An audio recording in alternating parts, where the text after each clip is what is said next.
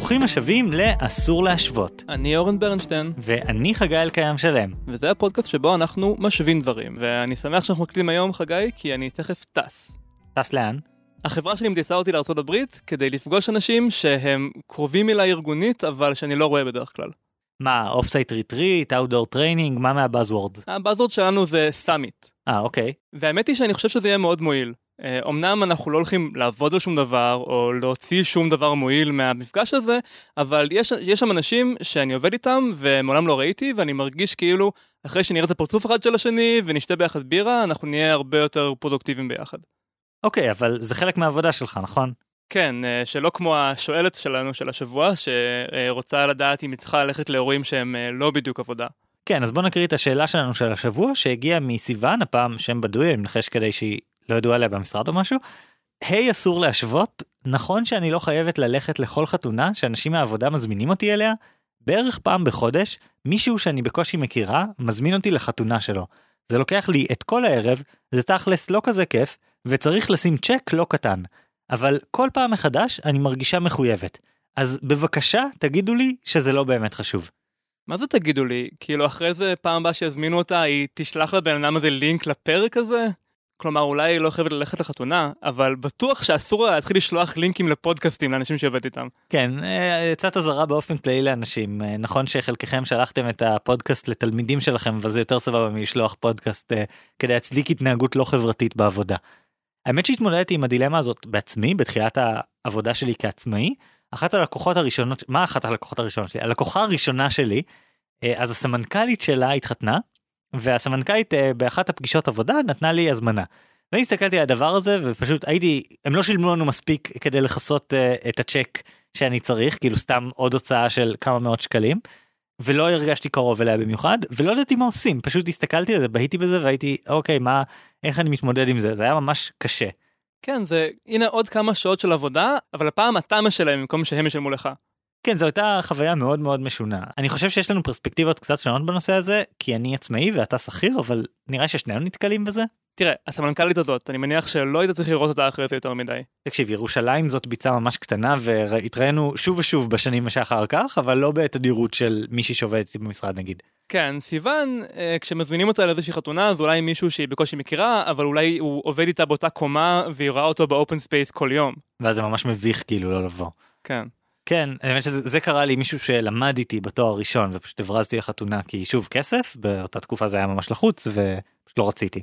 טוב אז אה, אנחנו לא ניכנס לכל התחום של אה, איך להמציא תירוץ משכנע כדי שבן אדם לא יחשוב שאתה מבריז לו כי אתה לא אוהב אותו. וגם לא לכמה כסף לתת כי בואו זה תלוי בהרבה משתנים אחרים ויש מחשבונים באינטרנט בשביל זה אנחנו לא הכתובת. אנחנו רוצים להתמקד בהחלטה האם ללכת לחתונה או לא. אוקיי אז נראה לי שהגיע הזמן לעבור להצגת המודלים אז נראה לי ששוב אני ראשון כי אני הפסדתי בפעם הקודמת בסקר פעם שנייה ברצף. That's right. אוקיי אז המודל שלי ללכת לחתונה של מישהו מהעבודה זה כמו לעשות פרחים ברקע. אוקיי אני אתן לך להסביר את עצמך תכף קטע ראשון. לי יש הפעם מודל קצת יותר פשוט. ללכת לחתונה של מישהו מהעבודה זה כמו ללכת לחתונה של הבת של הסנדק. כאילו של המאפיה. כן דון קורליאונה. אוקיי סבבה. אז אה, בוא נתחיל.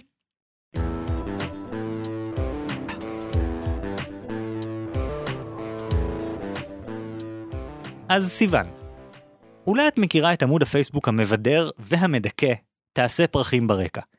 זה עמוד שבו מעצבים גרפים מציגים את הבקשות ההזויות שהם קיבלו מלקוחות. אחת הבעיות הכי נפוצות שעולות שם היא לקוחות שמבקשים שתעבדי בשביל חשיפה. מה הכוונה? אנשים הרבה פעמים מצפים מבעלי מקצוע צעירים, מעצבים, כותבים, צלמים, יועצים כמוני וכן הלאה, שפשוט נעבוד בחינם, או בשכר לא הולם.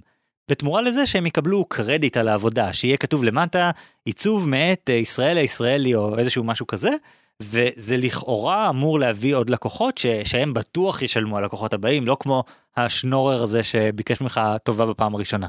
כן, הגרסה הבינלאומית של העמוד הזה זה ברדיט יש את uh, choosing beggars. שזה על שם האמירה beggars can't be choosers, אז זה אנשים שבאים להתחנן, אבל הם גם, יש להם כל מיני דרישות הזויות, והם רוצים עבודה ממש איכותית בחינם. כן, קשה, קשה לתאר כמה זה קיים, כמה זה מקיף, כמה כל אחד סובל מהדבר הזה. אה, נכון שבתעשה פרחים ברקע יש עוד דברים שהם דרישות מוזרות של לקוחות, אבל הקטע הזה הוא סופר נפוץ. אני יודע איך זה שהם מתייחסים אליך ככה, זה ממש מעצבן. הרי אתה לא תלך למכולת ותגיד "אה, אפשר חלב ואני אכתוב באינטרנט שקיבלתי את החלב ממכולת אה, בצלאל למטה, אף אחד לא יבקש מאינסטלטור לתקן סתימות בחינם, אבל יש תחומים שזה ממש ממש נהוג בהם. אז אני מבין מבין השורות שאתה אומר שסיוון כן תקבל סוג של תמורה כשהיא תלך לחתונה הזאת, אבל התמורה הזאת תהיה חשיפה לאנשים אחרים מהעבודה. כן, אני עוד רגע אפרט את זה, אבל אם היינו לוקחים את המודל הזה as is, אז התשובה הייתה אל תלכי, כי זה בשביל חשיפה וזה לא שווה את זה. אז פה, פה אני רוצה לספר על איזושהי התפתחות שאני עברתי בגישה הזאת. אני לא חושב שאני היחיד שעבר אותה אגב, אני חושב שזה ממש נפוץ. Uh, בתחילת הדרך, אתה מכיר את המם הזה של גלקסי uh, בריין? אוקיי, okay, אני אנסה לתאר את זה במילים. אז זה מם שיש בו כמה חלקים של טקסט, ואז כל, ליד כל חלק של טקסט יש ציור של מוח שהולך וגדל. אז זה כאילו הדבר, מה שאנשים לא חכמים חושבים, ואז יותר חכמים, יותר חכמים, הכי חכמים. נכון? כן, משהו כזה. אז, אז אני, אני אראה לך את הסולם שאני עברתי. אז בתחילת הסולם אתה נורא חדש, אתה לא יודע כמה כסף לקחת לעבודה שלך, אתה לא בטוח בעצמך, אתה, יש לך מלא מלא שאלות. אז אתה מוכן לעבוד תמורת חשיפה, כי אתה עוד לא יודע כמה אתה שווה. אז זה ה-normal brain, כאילו הרמה הכי נמוכה. אה, ואז אתה נהיה יותר חכם, ואתה תמיד מסרב לעבוד תמורת חשיפה, כי זה ניצול, כי אתה לא רוצה לעודד את הנורמה הזאת, אתה יודע כמה אתה שווה, אז אתה, אתה בכלל לא מוכן לעבוד תמורת חשיפה. כן, זה איפה שסיוון נמצאת עכשיו. היא אומרת, אני לא רוצה לבזבז זמן וכסף כדי שאנשים בעבודה יראו אותי וידברו איתי. אני, אני חושב שסיוון רוצה להיות שם, רוצה לסרב יותר, אבל, אבל אני רוצה לקחת את סיוון צעד אחד קדימה. כי השלב השלישי שאני מרגיש שאני נמצא בו עכשיו, הרבה אנשים נמצאים בו עכשיו, זה ההבנה שאין תשובה אחת לכל המקרים. נכון, היא מבקש ממני, משה, בעל חנות כלי הבניין החדשה בשלושה רחובות מהבית שלי שאין לי שום קשר איתו, אה, וואי בוא תעשה לי עבודה בחינם, אז לא, אני לא, לא אסכים כי החשיפה לא, לא תשתלם לי, אני לא אקבל מזה כלום. אבל יש מקומות שאתה כן מקבל באמת באמת חשיפה. בכל העולם יש הרבה בעלי מקצוע, נגיד עורכי דין, אנשי יחסי ציבור, כל מיני כאלה, שנותנים את השירותים והיכולות שלהם, אולי בהיקף מוגבל, לטובתם של כל מיני אה, ראשי מדינות או בכירים אחרים. נניח היה את אה, רוג'ר סטון, שהיה איזה איש יחסי ציבור ממש אה, מגעיל, לא יודע איך לומר את זה אחרת, יש סרט עליו בנטפליקס, והוא ייעץ לדונלד טראמפ הרבה פעמים סתם בחינם, גם בלי לקבל כסף. ולהרבה אנשים אחרים, להרבה רפובליקנים וכאלה, אה, עכשיו הוא בכלא אגב. אה, ולמה הוא עשה את זה? כי זה באמת שווה משהו. כלומר, אם אתה נותן את העצות שלך לראש עיר או לראש ממשלה או לחבר כנסת, אז, אז זה באמת ייתן לך משהו, זה באמת ישתלם לך במורד הדרך, זה באמת החשיפה שנוצרת מזה היא אמיתית. אז אני אומר שיש מקרים שזה שווה את זה, וכל מקרה צריכים לשפוט לגופו. אני חושב אבל שיש כאן שתי בעיות. הבעיה הראשונה, כמו שאמרת, שחשיפה זה לא באמת תמורה הולמת. הבעיה השנייה היא שברגע שאתה עובד פעם אחת בחינם, אז זה כאילו נהיה המחיר שלך, נכון? ואז אחרים יצפו שתעבוד גם בחינם. עכשיו, במקרה של פוליטיקאים, אתה יכול לטעון שיש כאן איזה אלמנט אידיאולוגי, נכון? אפשר לעבוד בשביל ראש עיר כי הוא מהמפלגה שאני אוהב. אבל כשסיוון הולך לחתונה עכשיו ועושה מה שאתה מציג פה בתור עבודה ללא תשלום, אז אחרי זה אולי אנשים יתרגלו שאפשר לבקש ממנה כל מיני טובות. אני לא חושב שהמידע עובר כל כך בקלות. אומנם מי שהחתונה שלו יזכור או ידע לפחות ברישומי אקסל או משהו אם היית בחתונה או לא, זה דבר שאנשים כן מסוגלים לשים לב אליו? לא תמיד אגב. אני לא זוכר הרבה אנשים שאם הם היו בחתונה שלי או לא כי הייתי עסוק בכמה דברים בחתונה שלי. אז אני לא לגמרי בטוח שתיווצר פה נורמה וגם בתחום הזה גם בתחום שלי לצורך העניין אם אני עכשיו אתן ייעוץ בחינם לאיזשהו חבר כנסת או חברת כנסת או משהו כזה מתוך מחשבה שבעתיד זה ישתלם לי אז זה לא שהם יפיצו שזה היה בחינם. יכול להיות שהם עצמם יצפו לזה אבל לפעמים זה ישתלם לי. לפעמים הם בעצמם ישלמו לי בפעם הבאה ולפעמים לא אבל אני צריך לעשות את השיקול הזה כל פעם מחדש ולשקלל בתוך הדבר הזה גם את התועלת שאני אקבל גם את הנזק שאני יכול לקבל מזה שידעו שהלכתי בחינם או שעשיתי משהו בחינם זה לא כזה פשוט וכל פעם שמגיעה לי הזדמנות כזאת אני מנסה לחשוב האם כדאי לי לפי כמה זה עולה לי וכמה חשיפה זה מייצר לי. אני בעצם קולט פתאום שאני נפלתי ישר למלכודת שלך. אנחנו התחלנו מלדבר על אירוע חברתי נחמד, חתונה, לחגוג, לשתות, לרקוד, ופתאום אני מאתגר אותך עם, אה, עם עניינים מתחום כאילו היחסי עבודה.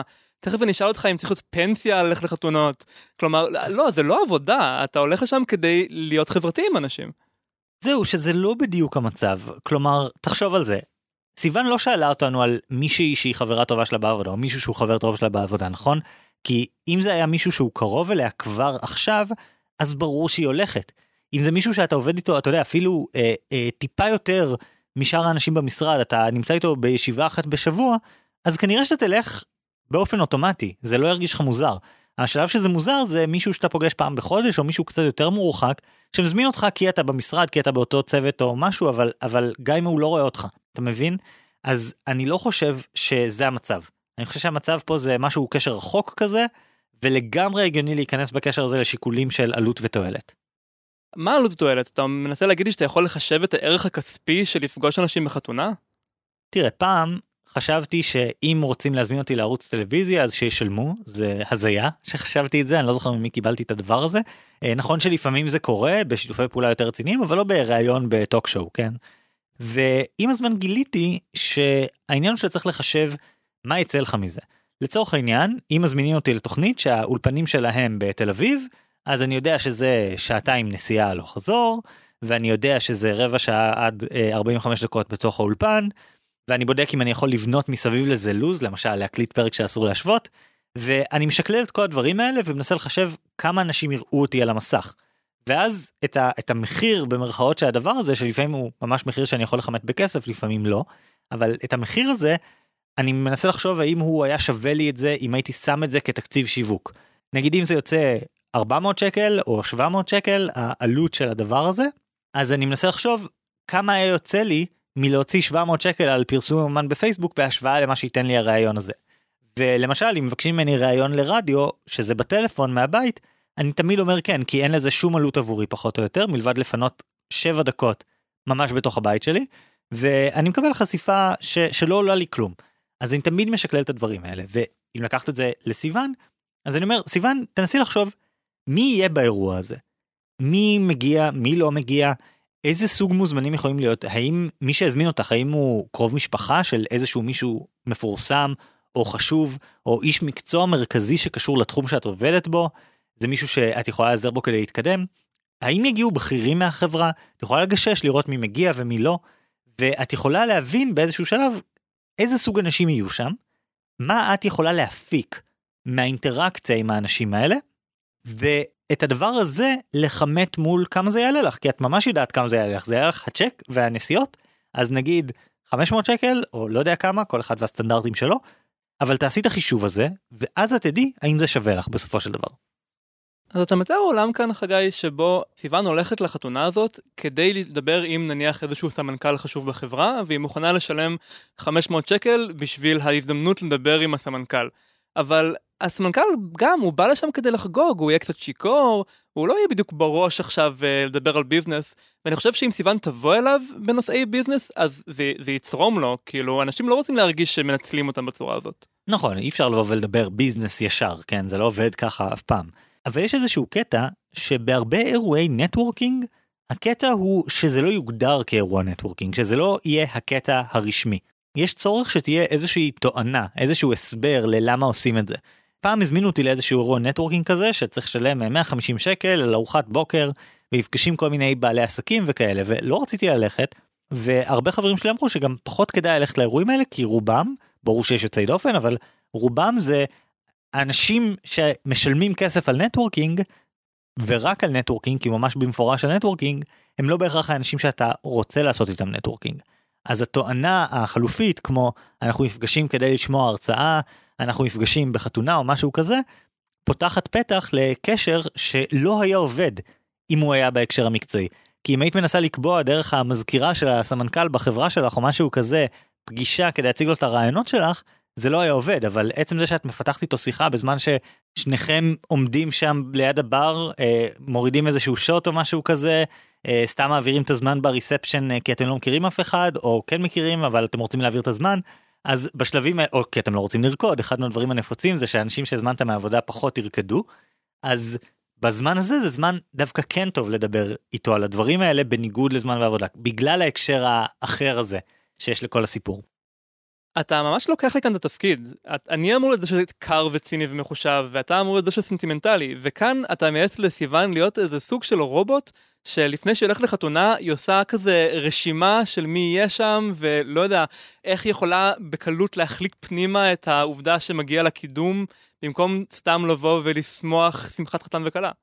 לא, זה לא מה שאני מציע, לא צריך להגזים. אני חושב שאפשר להתרגש בחתונה גם של מישהו מהעבודה שלך, גם אם אתה לא מכיר אותו טוב, זה בסדר, זה גם חלק מהכיף. אה, ואפשר ליהנות מהחתונה ואפשר לרקוד, למרות ששוב, רוב האנשים שהוזמנו בהקשר הזה של אה, מישהו מהעבודה לא ירקדו כמו החברים הקרובים שלך. אה, זה בסדר, אנחנו שנינו יודעים את זה מהחתונות שלנו. אבל אני חושב שזה דרך להפחית את העלות של הדבר הזה, כי הרי סיוון מתארת פה תיק שנפל עליה.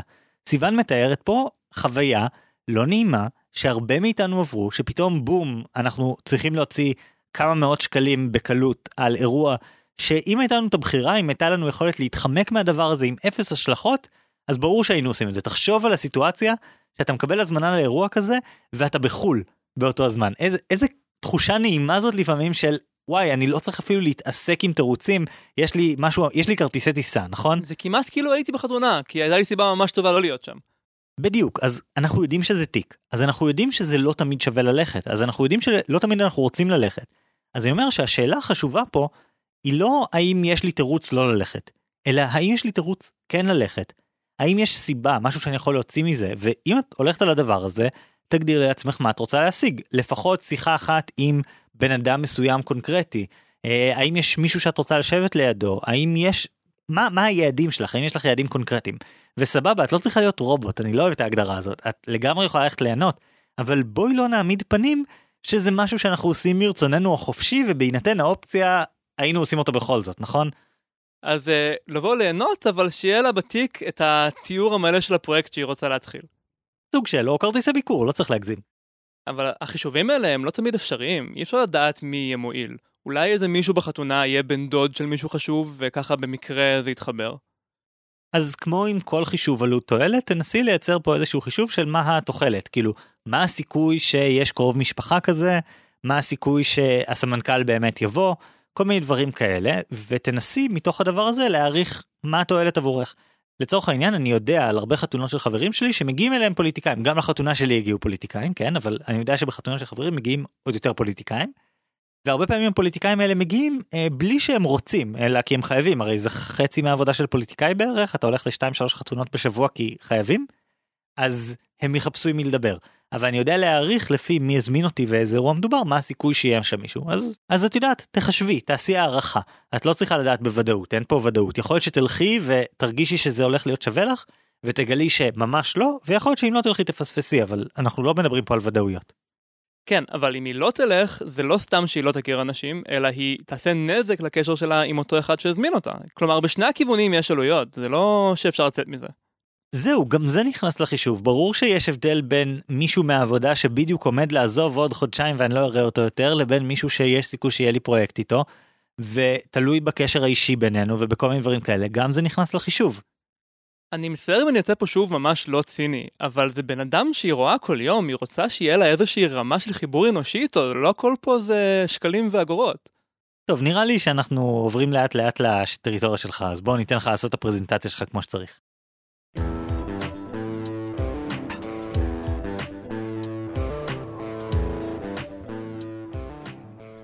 סיוון, את לא רוצה לעבוד במקום שבו כולם עושים חישובים ודילים אחד כלפי השני. את רוצה לעבוד במקום שבו אנשים עוזרים אחד לשני. את רוצה שאם את באה למישהו בעבודה וצריכה ממנו משהו ואין לו סיבה מיידית איזשהו אינטרס מדיד לעשות את זה, את רוצה שהוא עדיין יעזור לך, כי יש לכם איזושהי תחושה של חיבור אחד לשני, איזושהי תחושה של קהילה.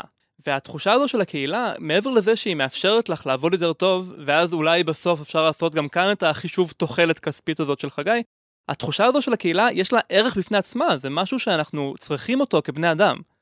אז העצה שלי אלייך סיוון זה לכי לחתונה, לכי לכל החתונות.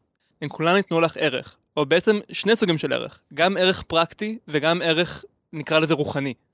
בואו נתחיל מהצד הפרקטי.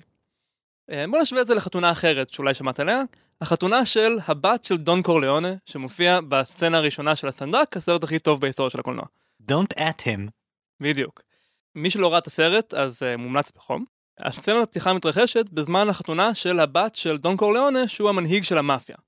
אחד האורחים, בונסרה, בא לדבר עם הדון ומבקש ממנו עזרה, הוא רוצה שהוא ינקום בנערים שתקפו את הבת שלו. בונסרה אומר שהוא מוכן לתת כל תמורה שדון קורליאונה יבקש. הדון מגיב בצורה מפתיעה. במקום להתמקח על המחיר, הוא מתלונן שהוא לא זוכר את הפעם האחרונה שבונסרה הזמין אותו לביתו לכוס קפה. דון קורליאונה נעלב מעצם הרעיון שהוא יעזור לבונסרה תמורת כסף.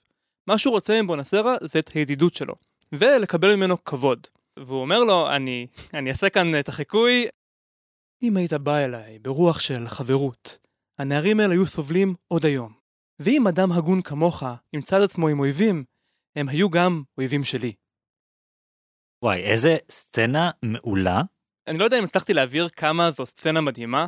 הסנדק זה סרט ארוך, שלוש שעות, אבל מי שמתקמצן יכול לראות את החצי שעה הראשונה, רק החלק של החתונה של הבת, וזה סרט יוצא דופן בפני עצמו. בכל מקרה, למה דון קורליאונה בחר להתנהג ככה? הרי בונסרה הציע לו כסף, הוא היה יכול לקבל את התמורה המיידית. הסיבה היא שמשפחת פשע לא יכולה לפעול על בסיס אינטרס קר בלבד. כלומר, בסופו של דבר, האינטרס הקר יוביל מישהו להלשין למשטרה. זה בלתי נמנע שהמשטרה תתפוס מישהו על איזשהו פשע, והם יציעו לו להלשין על אדון כדי לקבל הקלות. כלומר, אשכרה דילמת האסיר ממש האוריגינל מה שאומרים. כן בדיוק דילמת האסיר אתה רוצה רגע להסביר מה זה אומר? כן בתור פסיכולוג אז אני יכול להסביר כי משום מה סיפחו את זה אלינו לפסיכולוגיה אחרי אה, שנים שזה היה בתחום המתמטיקה דווקא. אבל אה, דילמת האסיר הולכת ככה תופסים שני אסירים או בוא ניקח שני חברי מאפיה לצורך הדוגמה שלנו ואז אומרים להם יש לכם שתי אופציות. אה, אתם יכולים או להלשין על הבן אדם השני כאילו לדווח עליו להגיד מה הוא עושה לו בסדר ואז אנחנו נכלא אותו או שאתם יכולים לשתוק. ואז בעצם אה, עושים פה טבלה של 2 על 2 של מה קורה אם אה, אסיר א' מלשין ואסיר ב' מלשין, אסיר א' שותק ואסיר ב' מלשין וכל הצורפים האלה. אז הסיפור הוא כזה, אם שני האסירים שותקים, אז שניהם מקבלים איזשהו עונש קטן, כי תפסו אותם על איזשהו משהו לא חשוב, נגיד, לא יודע, עבירת תנועה או משהו. אז נגיד שהם יושבים שנה אחת בכלא על השטות הזאת שתפסו אותם. אם אסיר אחד מלשין על החבר שלו והשני שותק, אז האסיר שהלשין מקבל כלום, משחררים אותו כי זה היה הדיל, והחבר שלו מקבל 10 שנים בכלא. אבל אם שניהם מלשינים, אז בעצם שניהם מקבלים איזושהי הקלה, אבל שניהם גם נדפקו, אז שניהם מקבלים 5 שנים. ואז בעצם מתוך הקומבינציות האלה יוצא שלא משנה מה בן אדם השני עושה, עדיף לך להלשין עליו. אם הוא מלשין עליך, אז אם אתה תלשין עליו בחזרה, אז אתה תרד מ-10 שנים בכלא ל-5 שנים בכלא. אם הוא לא מלשין עליך, אז אתה תרד משנה אחת בכלא לאפס שנים בכלא. והפואנטה של דילמת האסיר היא שתמיד האינטרס יהיה להלשין. לא משנה מה, אנשים רציונליים לחלוטין, מה שהם יעשו זה פשוט להלשין תמיד. כן, אז בעצם אנשים רציונליים כמו הסיוון שאתה מתאר, שהולך לחתונות רק כדי לקבל איזושהי תמורה, הם בסוף ידפקו אחד את השני, והם גם יודעים את זה. אם נוצרת אה, אווירה כזאת במקום עבודה למשל, שבה כולם רק מחפשים את האינטרס המיידי, אז זה אווירה של דקירות בגב. אנשים לא יפרגנו אחד לשני, ובסוף כולם ירוויחו פחות, בדיוק כמו בדילמת האסיר. ובמשפחת פשע זה עוד יותר קיצוני, בגלל זה הדילמה מגיעה משם. אבל הם פותרים את זה, נכון? יש משפחות פשע משגשגות שמרוויחות מיליארדים ואף אחד לא מלשין. אז איך הם עושים את זה? אז חלק אחד מהעניין זה שמי שמלשין דוקרים אותו. באלוהים נודר מלשינים דוקר כמו שאומרים. כן, אבל החלק החזק יותר לדעתי הוא האווירה הזו של המשפחה. הרי משפחת פשע לא מורכבת מקרובי דם, אבל הם יוצרים את התחושה הזו של האמון והנאמנות החזקים אחד כלפי השני, שזה כמו משפחה. ואז הם יודעים שהם יכולים לסמוך אחד על השני, גם כשמגיע רגע האמת שבו האינטרס הוא דווקא אה, לדקור בגב. אז גם לך יהיו רגעים כאלה, סיוון. את תרצי טובה ממישהו, ולא יהיה לו אינטרס מיידי לעזור לך. ללכת לחתונה זו הדרך הזו ליצור את אווירת האמון. כמו שאומר דון קורליאון אל בונסרה, יום אחד, ואולי היום הזה לא יגיע לעולם, אני אצטרך ממך שתעשה בשבילי שירות מסוים. אתה יודע, עכשיו שאני חושב על זה, זה גם קצת כמו לחם מחמצת. אוקיי, איך זה כמו לחם מחמצת? אתה הולך לחתונה וזה כמו לאבד את הבצק וליצור עוד קשרי גלוטן ואז הגלוטן אה, מחזיק כאילו כל הבצק מחזיק ביחד יותר טוב ומתמודד עם אה, כל מיני אתגרים. זו אנלוגיה מגניבה חגי והיא מתחברת לנקודה השנייה שלי אמרתי שיש לי שני חלקים החלק הפרקטי והחלק הרוחני אז אה, בוא נדבר קצת על, על הרוחניות של האדם המודרני אם תרשה לי. אני חושב שאין לי ברירה להרשות לך כי זה הפורמט אבל אוקיי. כן. אנחנו יצורים חברתיים בני אדם צריכים אחד את השני. בעבר שלנו העבר שלנו כמין חיינו בקהילות מאוד קטנות ומגובשות שכולם הכירו את כולם חלק גדול מהאנשים האלה היו קרובי משפחה אחד של השני והיה לנו אה, מרקם חברתי הדוק, ממש כמו שרשרות הגלוטן ולחם המחמצת. אבל במאה 200 שנה האחרונות זה התחיל להתרופף. החיים המודרניים גורמים לכך שאנחנו הרבה פחות מכירים את השכנים שלנו, הרבה פחות מנהלים קשרים חברתיים עם אנשים שהם לא הליבה הקרובה שלנו, והדבר הזה עושה את הנזק שלו. זה אולי נשמע קצת ניו אייג'י מה שאני אומר, אבל זה מגובה במחקרים.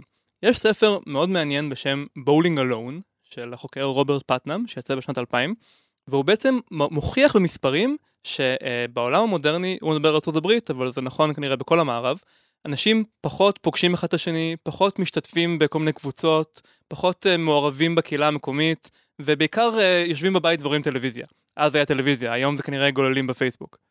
תראה, בתקופתו לא היה פייסבוק, ופייסבוק הוא כן משהו יותר חברתי, אבל בוא, בוא תמשיך. אז במובן מסוים זה יעיל יותר, נכון? כאילו, אתה יושב בבית ורואה טלוויזיה, ואתה מקבל את המנת בידור שלך בלי שאתה צריך לצאת, בלי שאתה צריך להוציא כסף, אז מהבחינה המאוד קרה הזאת, אולי יש כאן איזשהו שיפור טכנולוגי. אתה באינטראקציה רק עם אנשים שאתה רוצה להיות איתם באינטראקציה, ולא עם כולם. כן, בדיוק. פעם השכן שלך היה שופט אותך לפי איך שאתה מתלבש, היום הוא לא יודע איך קוראים לך. במובן מסוים זה שיפור. אבל יש גם מובן אה, עמוק יותר, ביולוגי אפילו, שבו זה כואב. אנשים צריכים את הביחד הזה. יש סיבה שבכל חברה אנושית מתפתחים טקסים חסרי משמעות אולי, שגורמים לכולנו להיות ביחד ולעשות דברים בצורה מסונכרנת. מה גורם לאנשים למשל לאהוד קבוצת כדורגל? לתוצאה של המשחק אין שום השפעה על החיים שלהם, אז בשביל מה הם עושים את זה בעצם? הסיבה שאנחנו אוהדים קבוצות כדורגל, ובאנחנו אני לא מתכוון לעצמי. כן, כל הזמן אמרו לי שאני אוהד לא נכון כדורגל, כי אני רואה כדורגל פעם בשנתיים, אני רואה מונדיאל ויורו, ואז מה שקורה אני צופה בשלב הראשון שלב הבתים ואז אני אוהד את הקבוצה שמשחקת הכי יפה. ואמרו לי שזה פשוט לא סבבה. כן, כי הסיבה שרוב האנשים אוהדים כדורגל זה לא בשביל הקבוצה, זה בשביל האוהדים האחרים. לראות את המשחק ולשמוח או להיות עצובים ביחד, זו בעצם הפואנטה. אנחנו מנסים לייצר איזושהי קהילה סינתטית, שיכולה באיזשהו מובן להחליף את הקהילה הקדמונית הזאת של האנשי מערות. אז אתה אומר שללכת לחתונה של מישהו מהעבודה זה כמו ללכת למשחק כדורגל או כמו כאילו ללכת לטקס אה, בבית כנסת אה, כל יום כיפור או כל שבת או משהו? אני אומר שלסיוון יש אחריות לאומית ליצור מרקם חברתי במקום העבודה שזה אחד המקומות האחרונים שבהם זה אפשרי בכלל. כן אבל למה זאת האחריות של סיוון? למה סיוון צריכה להוציא על זה כסף? אני, אני להפך אני לגמרי מסכים איתך שצריכים לחזק את המרקם החברתי במקום העבודה כי זה אה, נלחם בבדידות שלנו זה מייצר חברים זה הופך את המקום העבודה ליציב יותר זה פשוט לא צריך להיות על חשבון העובדים בזמנם הפרטי.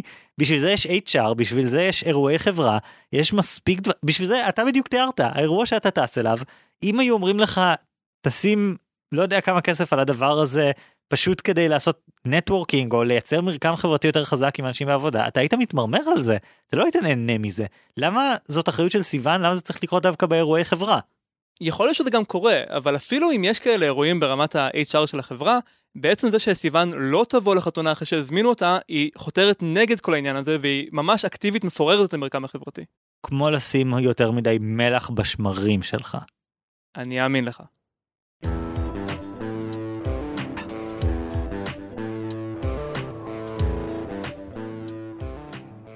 אורן תראה מבחינה מסוימת אני מסכים עם חלק מהנקודות שהעלית אני באמת חושב שהמרקם החברתי במקום העבודה זה דבר חשוב.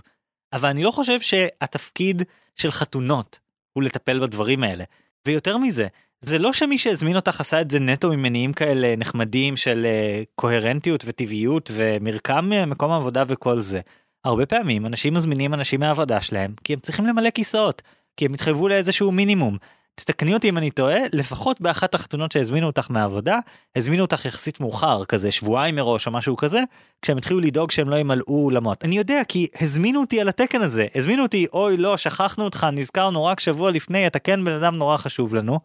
ובפועל אני יודע שהזמינו אותי כי מישהו ביטל כי הם היו צריכים להגיע למינימום וזה איזושהי הסתכלות קרה כזאת לנסות להחזיר חלק מהעלות. אז ברור שגם בצד השני השיקולים פה הם לא לגמרי טהורים ויפים. מה שאני אומר סיוון לפחות תוודאי שהכסף או העלות והזמן וה, והכאב ראש שאת מוציאה על החתונה הזאת תשתלם לך. תגיעי עם תוכנית, תחשבי איך את מפיקה מהדבר הזה את המרב. איך את עושה מזה משהו מועיל שאת לא תתחרטי עליו אחר כך ולא תרגישי שבזבזת את הזמן והכסף שלך. תראי סיוון אני מבין את הרצון הזה אה, להצדיק את העלות או לרכך את המכה הכספית או המכה של הזמן אבל צריך לזכור שהאנשים האלה בעבודה זה אנשים שאת מבלה איתם אולי הכי הרבה זמן עם חלקם את מבלה יותר מאשר עם, עם המשפחה שלך.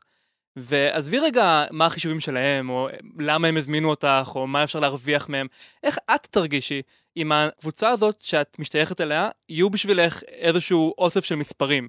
אם את תצטרכי להתנהג כלפיהם כמו רובוטית. זה באמת החיים שאת רוצה לחיות? אני לא חושב. זה לא החיים שאני רוצה לחיות. אני רוצה איזשהו חיבור אותנטי אמיתי עם האנשים שאני מוקף בהם.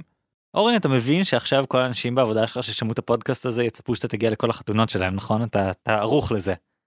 יכול להיות שהדעה שלי מושפעת מזה שרובם כבר נשואים. אוקיי אז אני חושב שכרגיל אתם תכריעו אנחנו נעלה סקר לעמוד הפייסבוק שלנו כמה ימים אחרי שיצא הפרק הזה ואתם תוכלו להכריע.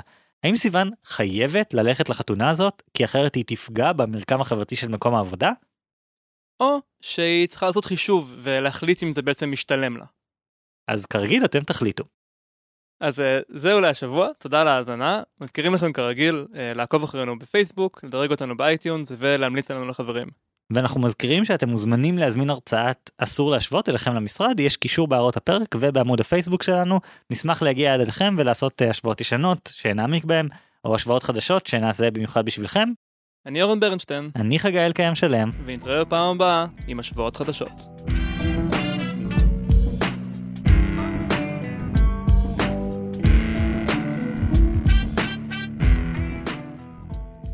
טוב חגי, בינתיים הסברה שלי מוכיחה את עצמה, והסברה הזו הייתה שכולם ביחד הבינו שאני זה שצודק, כי בפעם השנייה ברצף הסקר uh, הלך לכיוון שלי.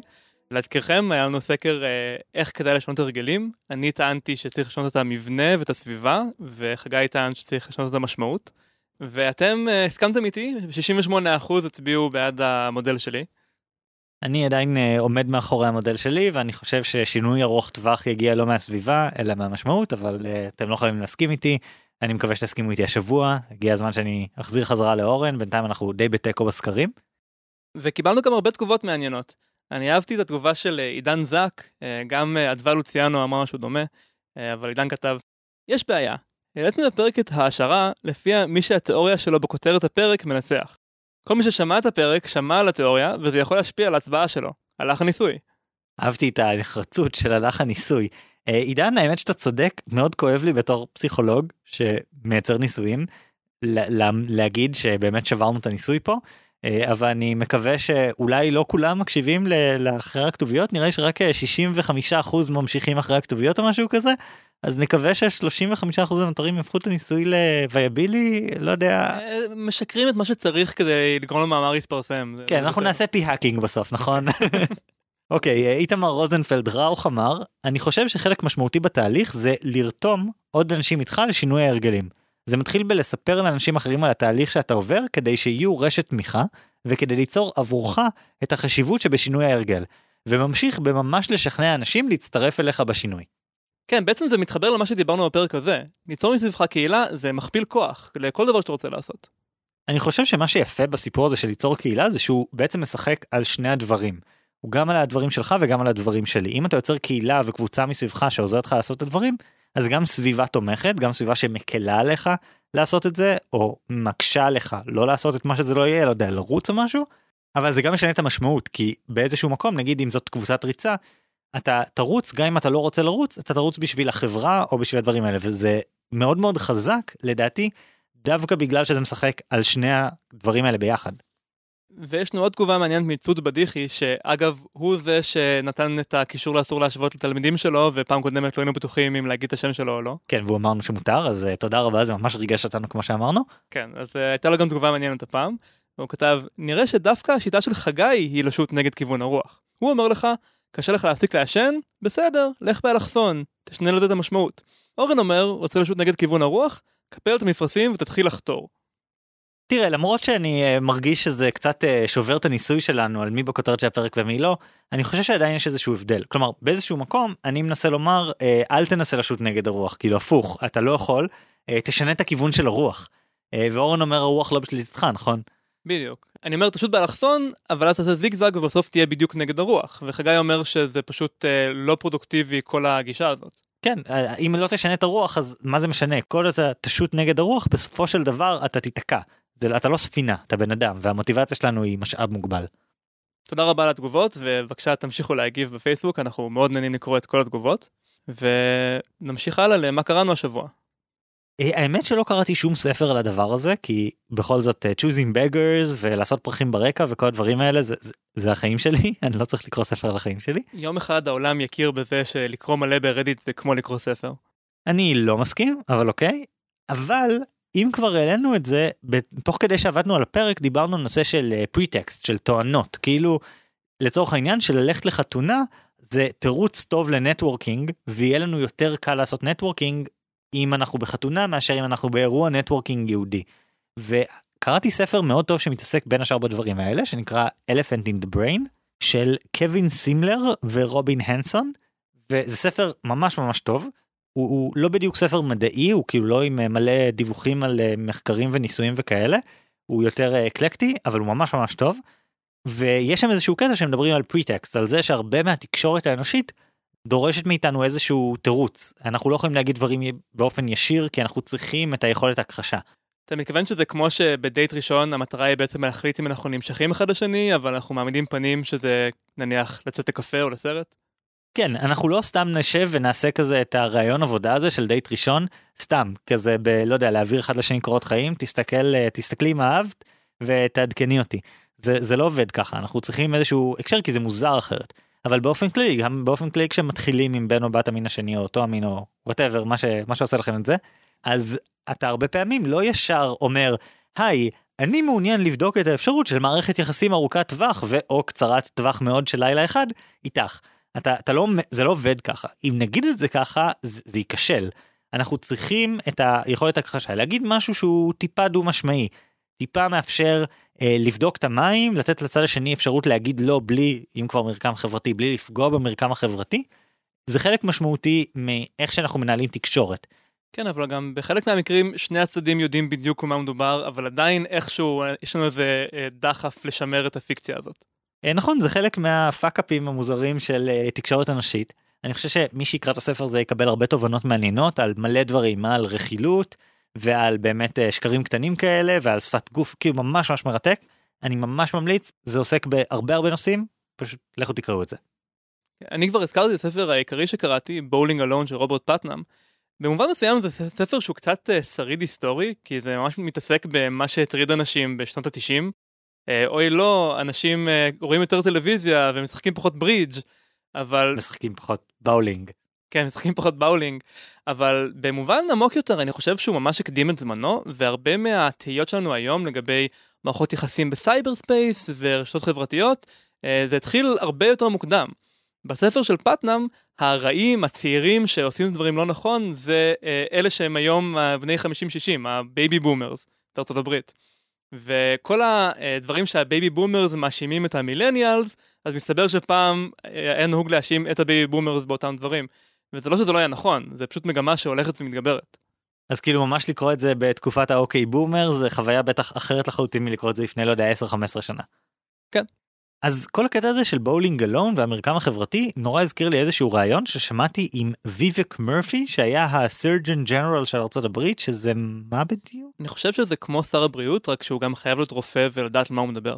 וואי נשמע מה זה יעיל והלוואי עלינו אבל אוקיי קיצור זה היה מאוד מאוד מעניין והוא דיבר על משהו שהוא ממש ממש התעסק בו הרבה The Loneliness Epidemic אה, מגפת הבדידות.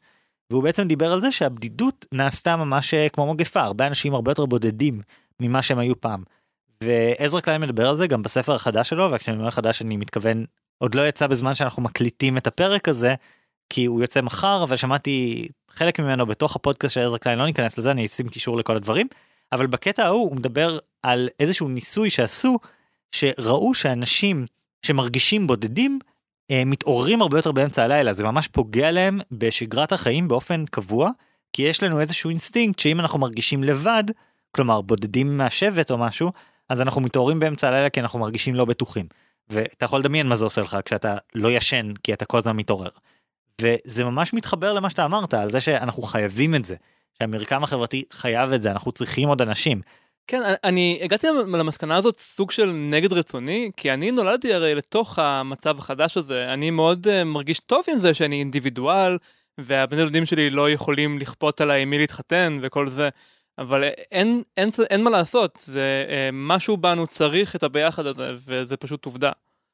כן, זה נורא מעניין, ואני באמת חושב שאנשים מחפשים את זה יותר. אני יודע שגם פנו אליי בנושא הזה ב- לפרויקטים של איך לייצר קהילה ארגונית, איך לייצר uh, חוויה של ארגון שהוא כמו משפחה, וכל מיני דברים כאלה, כי הרבה ארגונים אומרים על עצמם שהם משפחה, אבל נורא קשה להם ליישם בפועל, ויש אינטריגות שלא מאפיינות משפחה, וכל מיני יחסים כמו לפטר אנשים, שזה משהו שלא קורה במשפחה.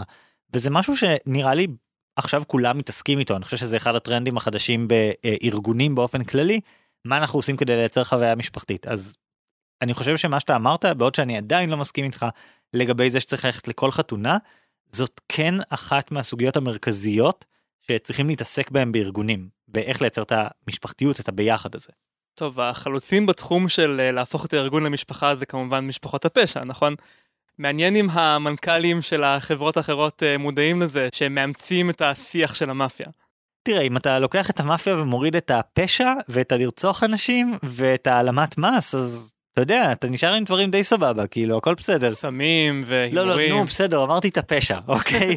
כאילו, סבבה שפירטתי על לרצוח גם. לא, את כל הפשע, תוריד את כל הפשע, תישאר רק עם האירועים והסלמי והפפרוני ועוד המאפיינים של המטבח האיטלקי. יהיה מדהים, ראיתי מתכון מעולה של ערוץ היוטיוב בינג'ין וויף באביש ללזניה מהסופרנוס. אני בטוח, זה, זה לא קשור לפשע. לגמרי אפשר לאמץ את זה בלי שום חשש. אה, האמת היא שעוד סיבה לראות את הסרט הסנדק, הסרט הכי טוב בהיסטוריה של הקולנוע, זה שבתוך הסרט, בדיאלוג, יש מתכון ממש טוב לרוטב ספגטי. שאני חושב שגם אותו Binging with Babish עשה. בכל מקרה, אז אני רציתי לקרוא גם ספר על הדינמיקות של המאפיה, כדי לתת קצת אה, דוגמאות יותר חיות מבפנים.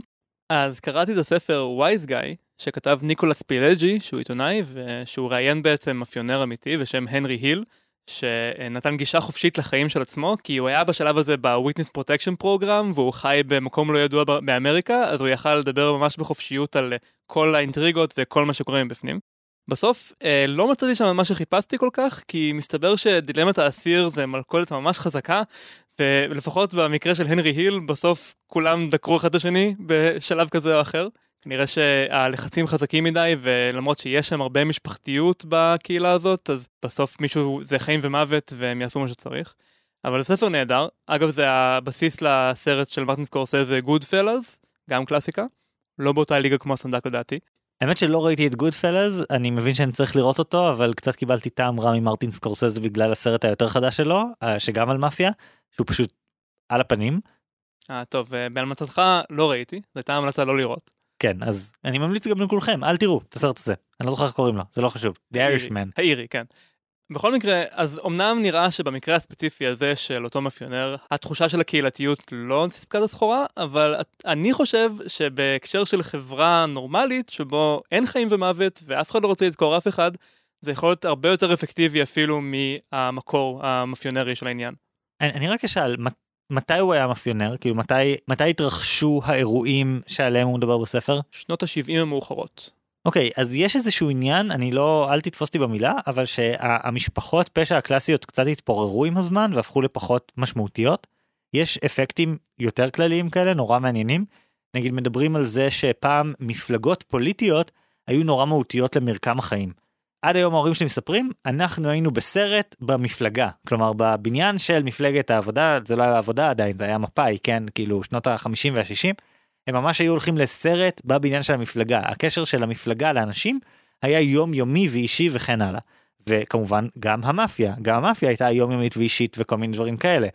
וידוע בתחום המפלגות לפחות שהקשר הזה התפורר. כלומר עם הזמן המפלגות התרחקו והיום אין לנו קשר כזה בכלל עם המפלגות מלבד מקרים בודדים של אה, קליינטורה כזה כלומר שיש לך נציג שהוא עובד בשבילך ודואג לך וכאלה אבל רוב המקרים רובנו אה, זה לא בחיים שלנו. כן הספר בולינג לא מדבר על זה ממש שארגונים פוליטיים איבדו כוח ארגונים חברתיים וארגונים מתנדבים ואני בטוח הוא לא מדבר על זה בספר אבל אני בטוח שגם משפחות פשע איבדו הרבה מה.